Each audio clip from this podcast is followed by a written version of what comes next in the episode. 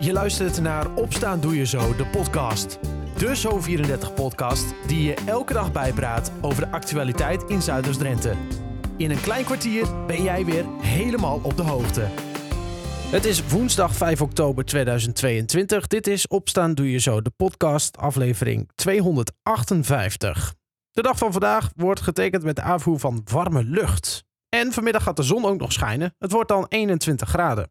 Met in het Zuidoost-Drentse nieuws. De gemeente Koevoorde gaat vanaf 17 oktober 50 asielzoekers opvangen in het voormalige Rabobankgebouw in de binnenstad. Ze worden daar tot half januari opgevangen. De komende twee weken wordt het gebouw gereed gemaakt. Zometeen meer nieuws uit Zuidoost-Drenthe. En je hoort over een nieuwe subsidieregeling van de provincie die een pot geld van 5 miljoen euro beschikbaar stelt. Maar eerst mooi nieuws, passend bij Dierendag gisteren. Want in Dierenpark Wildlands in Emmen werd een nieuw plein geopend. Het Mondiala-plein. Dat is de nieuwe naam van het plein wat eerder bekend stond als het Kompasplein. Het eerste plein waar je opkomt als je de entree doorgaat.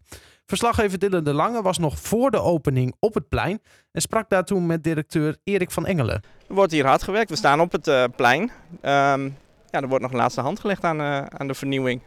Ja, er wordt nog uh, heel hard gewerkt. Gisteravond zijn ze nog tot heel laat doorgaan. En vandaag om vijf uur begint uh, nou, de officiële plechtigheid voor de opening. En ik denk dat ze tot één minuut voor vijf nog heel druk bezig zijn om het puntje op die te zetten. Ja, want de mensen die hier wel eens komen of zijn geweest, die uh, missen meteen het, het kompas. Nou, de vraag is of ze hem gaan missen. Maar ik denk niet dat ze hem gaan missen, maar hij is wel weg. Dat was de, we zijn negen maanden geleden in januari zijn begonnen. En eigenlijk het eerste wat we deden is het, de kompaskios slopen. Dat klinkt wat heftig, maar dat is wel wat we gedaan hebben. En eigenlijk was het een grote sta in de weg ook voor de zichtlijnen. Het past ook niet bij de sfeer die we willen uitstralen. En nou, mensen die toen voor het laatst geweest zijn, die zien echt denk ik wel een ware metamorfose van het plein.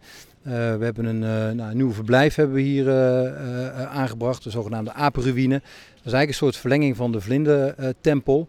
Ja, er komen drie apensoorten komen daar in en die lopen daar vrij rond, dus mensen kunnen daartussen lopen. Dan zijn er koois, kooikarpers zijn er te zien, agoutis die zijn ook in de verblijf te zien en nou, twee prachtige nieuwe terrassen. Ook nog een ijskiosk, dus het, ja, het plein heeft echt... En de beleving, de beleving wordt iets meer naar, naar voren gehaald zo? Ja, dat klopt. Ja, je, als je binnenkomt, ook als je weggaat, dan is het inderdaad direct een dierentuin in plaats van een kilplein, wat het eigenlijk was. Ja, want dat markeerde er eigenlijk aan. Je kwam al van het Raadhuisplein, dat is een groot, over, nou ja, wijd plein. En, uh, en dan kom je op nog, nog zo'n groot plein. Ja, dat was niet meer de bedoeling. Dus dat hebben we nu uh, hiermee naar recht gezet. Maar we hebben er echt, denk ik, iets prachtigs van gemaakt. Uh. Ja, hele investering ook. Ja, het is een grote investering. We zijn heel erg blij met uh, de bijdrage ook van de gemeente en van de provincie en van het uh, Wildlife, uh, Wildlands Natuur- en Educatiefonds. en eigenlijk die partijen hebben ervoor gezorgd dat dit, dat dit mogelijk is gemaakt. Ja, met op de achtergrond nog steeds alle werkzaamheden van kracht. vanavond moet die geopend worden. Ja, klopt. Mooi moment. We hebben heel veel uh, partijen eigenlijk die meegewerkt hebben. Wethouder Otter komt nog, de gedeputeerde Brink komt. Die komen het mee openen. En we hebben verder personeel, bedrijven die meegewerkt hebben. En een tweede sessie met abonnementhouders die straks om half acht ook een mooie opening gaan meemaken. Ja, en over die abonnementhouders en gasten, levert dit dan concreet meer, meer gasten op, denkt u? Nou, ik denk uh, of het direct meer gasten oplevert, weet ik niet. Maar ik weet wel dat de gasten die komen nog blijer zijn met ons dan, uh, dan dat ze al waren. Dus het is echt, nou, het was ook een klein beetje noodzaak, denk ik wel, als je het plein zag. Maar uh, nou, we waren al de mooiste diertuin van Nederland, maar op deze manier blijven we dat zeker. Meer gasten, nog niet helemaal zeker, maar meer beleving sowieso. 100% ja, nee. De sfeer is echt uh, ve vele malen verbeterd. Al dus Erik van Engelen, directeur van Wildlands. Meer over de opening van het nieuwe plein en diverse foto's vind je op onze website zo34.nl en natuurlijk in de app. Zometeen in de podcast hoor je over een nieuwe subsidieregeling van de provincie. Dat na het nieuws uit Zuidoost-Drenthe.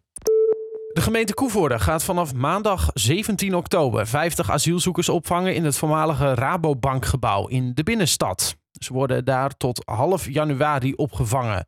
De komende twee weken worden gebruikt om het gebouw gereed te maken voor de komst van de asielzoekers. In het gebied de Broeklanden nabij Sleen zijn sinds deze week alle kalveren op stal gezet. Aanleiding is de vondst van een dood kalf bij een van de boerderijen in de omgeving. Naast het dode kalf werden ook vier andere gewonde dieren aangetroffen. De eigenaren vermoeden dat dit het werk is van een wolf. Om dit zeker te stellen is er een DNA-test afgenomen bij de dieren. Deze moet vaststellen of het daadwerkelijk om een wolf gaat. De brandweer heeft gistermiddag een vijfjarig jongetje in Emmen uit de top van een boom gehaald. Hij was daar ingeklommen en kon niet zelf meer naar beneden komen. Met een hoogwerker wist de brandweer het jongetje te redden, waarna hij in de armen sprong van zijn moeder. Tot zover. Dit en meer vind je ook online op zo34.nl en in onze app. De provincie Drenthe komt met een noodfonds van 5 miljoen euro om noodlijdende huishoudens, bedrijven en maatschappelijke instellingen te helpen met energiebesparende maatregelen. Een fors bedrag voor de provincie. En dus zocht verslaggever Serge Vinkenvleugel, gedeputeerde Henk Brink en Tjisse Stelpstra op om de inhoud van het plan te bespreken. Dat is voor de provincie een groot bedrag, maar we denken ook als college dat het noodzakelijk is in de huidige tijd. Met de huidige energieprijzen, met de uitdagingen die er zowel voor burgers als bedrijven zijn, eh, dat het noodzakelijk is om met een zodanig fonds te komen. En gedeputeerde Tjisse Stelpstra, u zegt we gaan de hengel uitdelen, maar we gaan geen vissen uitdelen. Nee, je kunt mensen geld geven om, zeg maar, nou, dan, dan geven ze minder uit. Hè? Wat veel beter is om dat structureel te doen, zorgen dat ze gewoon uh, minder kosten hebben. En daarom zeggen we, probeer isolerende maatregelen te doen, dan betaal je gewoon minder aan je energie. Voor huishoudens, maar ook voor bedrijven. Voor wat voor soort bedrijven is deze regeling dan? En ook al is hij nog niet helemaal inkt droog uh, en het ontwerp nog niet klaar, maar wat kunnen bedrijven verwachten aan mogelijkheden om energie te besparen? Nou, het is wel een brede regeling. Ik, eh, je noemt nog niet het maatschappelijk vastgoed. Kijk naar dorpshuizen, bibliotheken, theaters. Maar uh, in principe kan ieder MKB er ook meedoen. En dan gaat het om energiebesparende maatregelen. En of dat nou een verandering van je productieproces is, maar het kan ook bij bedrijven isolatie zijn. Het kunnen echte veranderingen zijn die je normaal niet hoeft te doen, maar die nu eigenlijk wel genoodzaakt zijn gezien je hoge kosten, zodat je dus je bedrijf weer nou ja, rendabeler krijgt. Het gaat om onze werkgelegenheid, maar het gaat ook om besparing van energie. Dus het moet altijd besparing van energie opleveren.